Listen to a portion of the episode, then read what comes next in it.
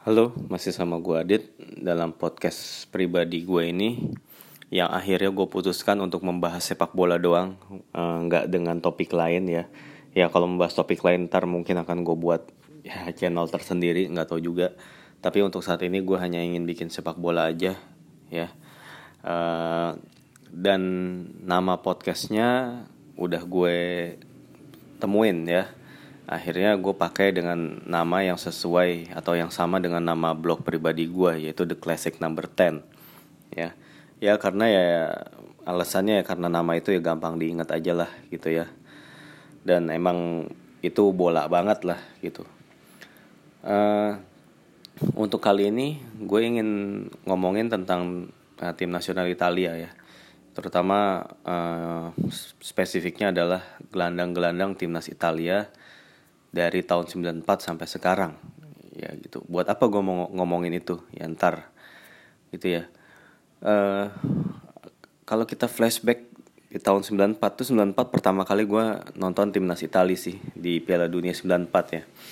Waktu itu gelandangnya itu uh, formasinya sebenarnya kayak 442 442 sejajar ya.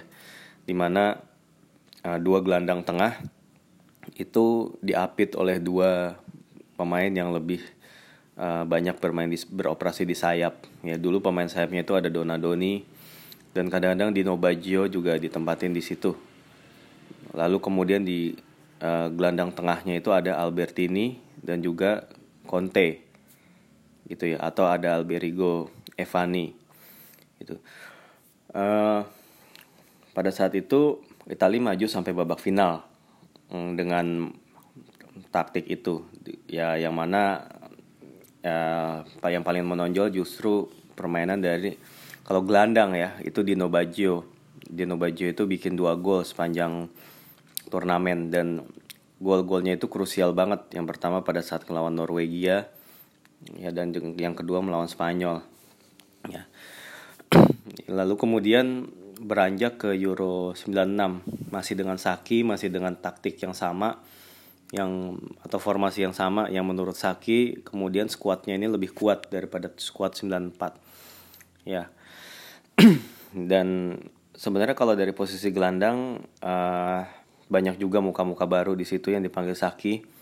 Nggak ada lagi Antonio Conte tapi Albertini itu masih masih dipanggil dan ditemenin oleh uh, Roberto Di Matteo sebagai wajah baru dan juga uh, Dino Baggio masih dipanggil lalu kemudian ada Donadoni dan di dua pemain sayap juga ada dua wajah baru yang dipanggil yaitu Diego Fuser dan Angelo Di Livio ya.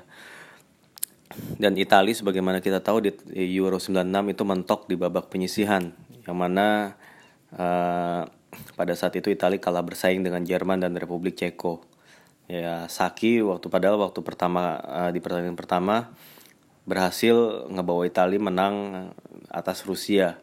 Tapi kemudian pada saat melawan Ceko, Saki mengganti nyaris seluruh hampir seluruh susunan pemain ya sehingga Italia kehilangan keseimbangan dan kalah kalah 1-2 dari Republik Ceko. Dan kemudian Italia pas penentuan lawan Jerman itu uh, hanya mampu bermain imbang 0-0 sementara di pertandingan lain uh, Republik Ceko berhasil menahan imbang Rusia padahal sempat ketinggalan 1-3 kemudian disamakan dengan skor uh, 3 sama sehingga Italia gagal lolos. Dan Saki pun gue lupa antara dipecat atau mengundurkan diri ya. Pokoknya ya pokoknya udah uh, nggak uh, ngelatih timnas Italia lagi.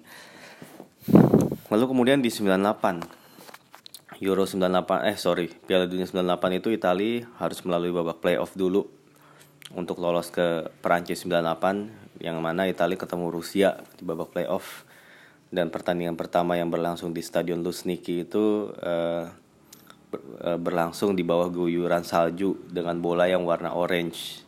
Italia pada saat itu bisa uh, menahan imbang Rusia satu sama. Vieri bikin satu gol ya dan di, di return leg di uh, pas ngejamu Rusia di Olimpico Italia menang dan lolos. Lalu kemudian pada saat itu eh, gelandang-gelandang yang dibawa oleh Cesare Maldini uh, ada sedikit perubahan ya.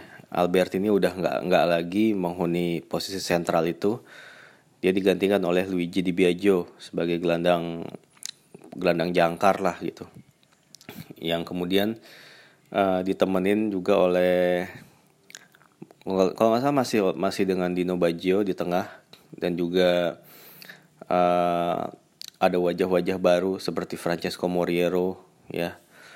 Tapi memang Italia itu menerapkan formasi mirip-mirip dengan zona mista ya. Zona mista itu kan kayak yang uh, formasi yang sebenarnya 4-4-2 cuma ada penekanan sedikit di posisi back sayap kiri yang naik maju ke depan. So, uh, sementara tiga back lain itu statis di belakang. Di, di posisi gelandang juga kayak gitu. Tiga gelandang itu bermain di tengah sementara satu gelandang itu agak melebar di kanan di sayap kanan. Dan gelandang sayap kanannya itu tidak ditugaskan membantu pertahanan. Dia benar-benar fokus nyerang dan fokus mengirimkan umpan-umpan silang pada dua penyerang gitu. Di mana dua penyerangnya itu juga uh, pairingnya klasik banget ya. Satu second striker dan satu yang tipe bomber. Nah Italia 98 tuh kayak gitu banget. Dan di mana sayap kanannya itu Francesco Moriero lalu kemudian uh, penyerangnya itu Fieri dan Del Piero atau Roberto Baggio. Nah, ya Italia pada saat uh, 98 sebagaimana kita tahu sebenarnya tampil lumayan impresif ya. Mereka di babak penyisihan gak pernah kalah mereka bisa uh, meraih 7 poin ya uh, menahan imbang Chile lalu kemudian ngalahin Austria dan Kamerun. Lalu di babak uh, eh, 16 besar bisa ngalahin Norwegia lalu, tapi kemudian di babak uh, perempat final harus mengakui keunggulan tuan rumah Prancis lewat drama adu penalti. Nah kemudian uh, tahun 2000 itu Italia di bawah Dinozov itu juga melakukan penyegaran. Ya masih ada nama uh, Luigi Di Biagio tapi kemudian diselipkan nama baru yaitu uh, gelandang muda Stefano Fiore ya. Itu Fiore tampil bagus banget di Euro 2000 yang berlangsung di Belanda dan Belgia. Dan bahkan ya Italia bisa maju sampai babak final pada saat itu sebelum ya itu nggak usah diomongin lah ya tragis banget ceritanya. Uh, pokoknya gelandangnya itu masih diisi Albertini lalu kemudian Di Biagio dan juga uh, Stefano Fiore dengan ada nama pemain muda yang masuk juga yaitu uh, Ambrosini ya pada saat itu. Dan juga uh, Italia pada saat itu juga di depan mengandalkan pemain seperti Francesco Totti yang emang lagi bagus-bagusnya dan juga Marco Del Vecchio ya. Uh, tapi Italia benar-benar uh, pada saat Euro 2000 sih yang menonjol ini pertahanan di mana kemudian pemain seperti Maldini, Nesta dan Cannavaro itu tampil sangat-sangat brilian dan mereka terpilih di sebagai team of turnamen gitu. Dan kipernya Francesco Toldo juga sebenarnya kiper dadakan ya karena yang dibawa yang pada saat itu jadi kiper utama tuh nah, Angelo Peruzzi. Cuman Peruzzi waktu itu mengalami cedera pada saat jelang turnamen berjalan. Akhirnya Toldo uh, step up jadi kiper utama yang justru malah tampil bagus banget. Ya. Lalu kemudian di Euro eh sorry Piala Dunia 2002 ini sebenarnya juga bisa dibilang uh, generasi emas ya. Totti dan Del Piero dan juga Fieri itu lagi bagus-bagusnya. Dan di posisi gelandang itu nggak ada lagi kalau nggak salah nama Albertini tapi masih ada nama Di Biagio dan di, uh, dan apa pada saat itu muka-muka baru juga juga bermunculan seperti Gennaro Gattuso dan juga Cristiano Zanetti yang jadi dua gelandang dan pada saat itu juga udah ada Mauro Camoranesi sehingga serangan Italia dari sayap itu sangat benar-benar hidup ya. Lalu kemudian tapi ya sayangnya ya balik lagi Italia di 2002 ya tahu sendirilah bagaimana nasibnya kalah di tangan tuan rumah dengan cara yang enggak banget lah gitu. Lalu kemudian di Piala Dunia, sorry Euro 2004, Euro 2004 yang berlangsung di Portugal, itu yang menarik ini menjadi debut dari Andrea Pirlo di turnamen besar Italia. Yang mana Pirlo kemudian ditemani oleh uh, Gattuso, rekan seklub di Milan dan juga kemudian di situ masih ada Zanetti dan juga ada Simone Perota. Ya gelandang box to box yang benar-benar uh, sangat-sangat fungsional. Selain juga masih ada Camoranesi di situ. Ya cuman di Euro 2004 Italia juga nggak pernah nggak bisa uh, meraih gelar juara juga ya. Bahkan waktu itu Italia mentok di babak uh, penyisihan grup. Mereka kalah bersaing sama uh, Denmark, Swedia, dan juga Bulgaria. Pada saat itu yang maju ke babak selanjutnya adalah Denmark dan Swedia. Ya, Italia padahal bisa meraih 5 poin. Ya, menahan imbang apa Denmark dan Swedia lalu menang atas Bulgaria. Tapi kalah selisih gol pada saat itu, ya. Dan uh, waktu itu sih menariknya Italia pada saat itu masih di bawah Trapattoni ya. Itu digadang-gadang Neo Azzurri pada saat itu ada Antonio Cassano ya sempat uh, dipasang pada saat melawan melawan Swedia ya. Cassano itu dipasang jadi attacking midfielder bersama Pirlo dan Gattuso. Masalah gitu ya. Lalu kemudian pada pertandingan lawan Bulgaria uh, itu udah mulai ada fondasi tuh Pirlo, uh, Gattuso dan Perota, kemudian di uh, sisi penyerangan tuh Casano, ya Casano tuh didorong ke depan, ya. Tapi emang Italia gagal lolos sih. Tapi yang penting uh, tiga gelandang itu trio Pirlo, Gattuso dan Perota itu emang jadi fondasi banget ya. Yang mana kemudian di Piala Dunia 2006 ya sebagaimana kita tahu itu menuai hasilnya itu trio gelandang ini benar-benar uh, cocok satu sama lain dan akhirnya emang di Piala 2006 Italia itu uh, meraih juara dengan benar-benar sangat mengesankan dan uh, pantas banget gitu. Jadinya ya Italia hanya kebobolan satu gol lewat open play. Yang mana golnya itu pun dibuat oleh bunuh diri Christian Zaccardo. Satu lagi kebobolan dari penaltinya Zidane di babak final. Ya. Emang ya di balik kegagalan memang ada uh, tersimpan kayak fondasi untuk kesuksesan di masa berikutnya. Dan sayangnya di uh, Euro 2008 pada saat mulai kalau nggak salah pelatihnya tuh ya masih Lipi ya, masih Lipi. Uh, di 2006 juga Lipi. Di 2008 sayangnya Italia kalah dari Spanyol lewat adu penalti ya yang Spanyol kemudian keluar sebagai juara gitu. Ya pada saat itu juga sebenarnya sama masih ada Pierlo Gattuso dan Perota ya dan tapi juga masih ada De Rossi dan juga mulai disisipkan kayak Aquilani gitu dan Camoranesi juga masih ada di situ. Di 2006 juga Camoranesi dan De Rossi juga banyak ngambil peran ya. Sebenarnya komposisi skuadnya relatif nggak berubah cuman di 2008 ini emang Spanyol lagi mulai bagus-bagusnya ya yang kemudian bisa membuat mereka terus berjaya sampai 2010 dan 2012 juga. Gitu ini pelatih Luis Aragones yang memulai siklus ini sih. Lalu berlanjut ke 2010. Italia juga sebenarnya mulai regenerasi sih Marcelo Lippi ya.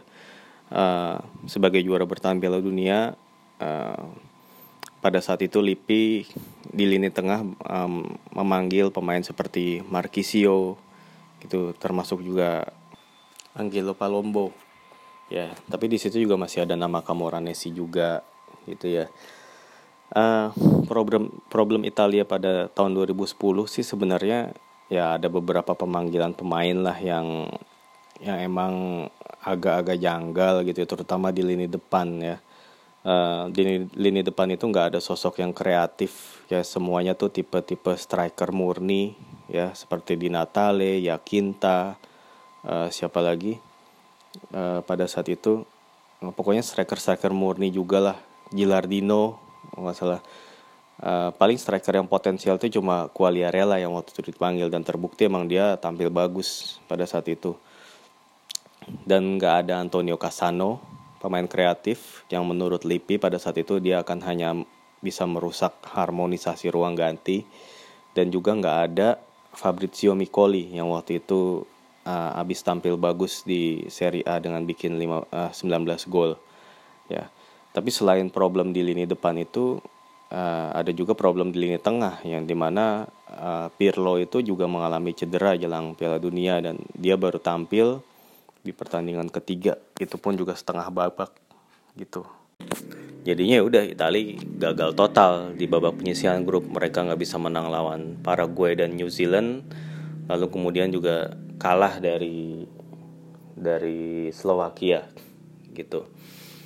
Uh, kemudian 2010 itu tahun yang untuk dilupakan dan uh, walaupun kalau dari sisi kompetisi domestik Inter keluar sebagai treble winners ya tapi Italia malah ancur-ancuran di Piala Dunia gitu. Lalu kemudian di, di 2012 Euro 2012 Italia itu kayak bangkit lagi di tangan Cesare Prandelli bisa maju sampai ke babak final ya. Andrea Pirlo juga waktu itu benar-benar masih bagus banget mainnya. Juga dengan gelandang lain seperti Thiago Motta dan juga Montolivo ya. Pirlo Motta dan Montolivo itu juga sangat-sangat bagus dengan De Rossi ditarik uh, jadi back tengah waktu pada saat lawan Spanyol ya. Dan Montolivo juga lagi bagus-bagusnya dia ngasih asis yang sangat brilian pada saat uh, Italia ketemu Jerman ya di babak apa perempat final di mana diselesaikan oleh Balotelli yang kemudian terkenal dengan selebrasinya yang ikonik itu yang memamerkan otot ya. Cuman ya habis itu Itali kalah juga dari Spanyolnya emang emang bagus banget gitu. Lalu kemudian beranjak ke Piala Dunia 2014. Sebenarnya Italia juga menatap turnamen ini dengan optimisme ya. Gelandang yang dibawa sebenarnya juga masih sama ya masih ada Pirlo juga sih gitu juga ada Marquisio, Candreva, Aquilani, Marco Parolo, dan juga muka baru Marco Verratti. Ya. Ini sebenarnya diharapkan banget Italia itu tampil bagus, cuman sayangnya ya mereka setelah menang dari Inggris, ya mereka kalah dari Costa Rica dan kemudian kalah dari Uruguay. Ya, gagal lolos lagi deh. Uh, ini kemudian Conte masuk dari 2016 ada perubahan skema dengan uh, tiga back ya untuk posisi gelandang juga selain Mota juga ada Jackerini dan juga De Rossi dan juga Parolo yang dipasang secara bergantian. Ya ini bisa sampai membawa Italia benar-benar tampil sangat bagus ya. Mereka dalam perjalanannya bisa ngalahin Spanyol Belgia ya dengan pemain seperti Graziano Pele ya sebagai penyerang. Dan Italia juga sayangnya mentok aja di uh, di tangan Jerman itu pun lewat adu penalti. Ya seharusnya kalau seandainya Italia menang aja tuh di adu penalti mungkin bisa melaju lebih jauh lagi lah ya. Ya. Dan kemudian ya sebagaimana kita tahu di 2018 itu macet total alias nggak lolos ya. Jadi ya uh, ya udahlah itu end of story nggak usah dibahas. Dan kemudian tapi di uh, sekarang ini di bawah uh, Roberto Mancini itu gelandang yang dipasang tuh bener-bener baru ya. Bener-bener belum ada pemain yang tampil di Piala Dunia atau Piala Eropa ya cuman Verratti doang gitu. Verratti pun di 2014 masih belum banyak dapat peran kan ya.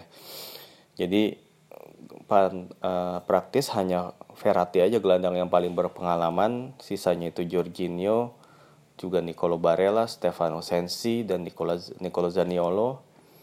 Itu dan juga mungkin nantinya Lorenzo Pellegrini ya yang masih cedera. Itu benar-benar uh, tim baru, benar-benar gelandang-gelandang baru, tapi menjanjikan semua gitu. Yang kurang dari mereka hanya jam terbang aja. Nah, kita bisa lihat nih kemarin di Euro kualifikasi Euro 2020 itu Mancini uh, menurunkan Verratti dan Jorginho itu selalu main. Uh, di pertandingan lawan Finlandia Barella yang main di lawan Liechtenstein itu yang main adalah Sensi. Lalu kemudian Zaniolo masuk di babak kedua. Ini emang yang coba dipatenkan Mancini sih. Verratti dan Jorginho ini nampaknya akan menjadi pemain kunci nih. Sementara satunya lagi akan secara bergantian diisi oleh Barella dan juga Sensi atau Zaniolo. Nah menurut gue ini adalah barisan gelandang yang menurut gue harus terus untuk diasah oleh Mancini ya. Sembari dia juga melirik nama-nama lain yang siapa tahu aja bisa uh, masuk uh, potensial untuk bisa menjadi backup dari nama-nama tadi. Ya dan gue sih confident ya dengan barisan gelandang yang solid tadi uh, Italia itu bisa akan paling nggak lolos dulu ke Euro 2020 tapi soal result ya ya masih ada waktu dua tahun lagi lah untuk eh sorry setahun lagi lah untuk kayak membenahi segala segala sektor itu. Tetapi terutama menurut gue lini tengah yang dipatenin itu penting banget. Jadi ya seperti kita tahu di tahun-tahun di mana Italia itu uh, tampil bagus di turnamen besar itu selalu diisi oleh gelandang-gelandang yang solid ya di 2006 lalu 2012 juga Euro 2008 uh, Euro 2008 itu uh, Donadoni ya kalau nggak salah ya. Iya benar. Lippi waktu itu comeback di 2010 dan ya menurut gue ini kita patut memberi dukungan lah dan apresiasi juga kepada Mancini yang udah berani mematenkan gelandang-gelandang muda ini dan menurunkan mereka di ranah internasional ya. Walaupun masih ada sedikit uh, lubang-lubang di posisi fullback dan juga penyerang tengah yaitu gue rasa sih kalau selama barisan gelandangnya itu kreatif dan juga bisa bermain uh, fungsional gitu ya sesuai dengan yang dia mau di sepak bola menyerangnya. Gue rasa Italia bakal baik-baik aja sih. Di 2006 juga Italia kan juga nggak punya pencetak gol yang menonjol ya. Benar-benar timnya itu rata dan gol distribusi golnya juga merata dari back sampai gelandang striker itu sama-sama bikin gol. Ya mungkin ya Mancini bisa lah meniru kolektivitas tim yang 2006 cuman ya catatan 2006 fullbacknya juga bagus-bagus banget. Zambrota dan Grosso. Ya ini yang belum dipunyai tim yang sekarang sih menurut gue dan kalau fullback itu ya selain Diambrosio uh, dan juga Spinazzola itu Andrea Conti sih patut dikedepanin sih. Dan menurut gue Gattuso harus memberi kesempatan yang yang merata antara Conti dan Calabria di Milan gitu. Karena emang dua-duanya ini back masa depan Italia gitu. Dan Conti ini punya kelebihan yang jarang dimiliki back-back sayap Italia zaman sekarang yaitu crossing yang sangat bagus ya Conti ini udah bikin asis yang lebih banyak daripada Calabria walaupun dia tampil jauh lebih sedikit ya. Tapi walaupun ya defensively Conti masih kayak agak-agak sering uh, lepas gitu masih belum terlalu baik. Karena dia juga kan biasanya main di wingback ya pada saat di Atalanta ya. Beda perannya sebagai dengan sebagai fullback di Milan. Inilah yang menurut gue ya ya sedikit sedikit harus dipenahi lah. Oke uh, kurang lebih itu aja dulu bahasan gue. Dan kita akan ketemu lagi dalam episode selanjutnya. Bye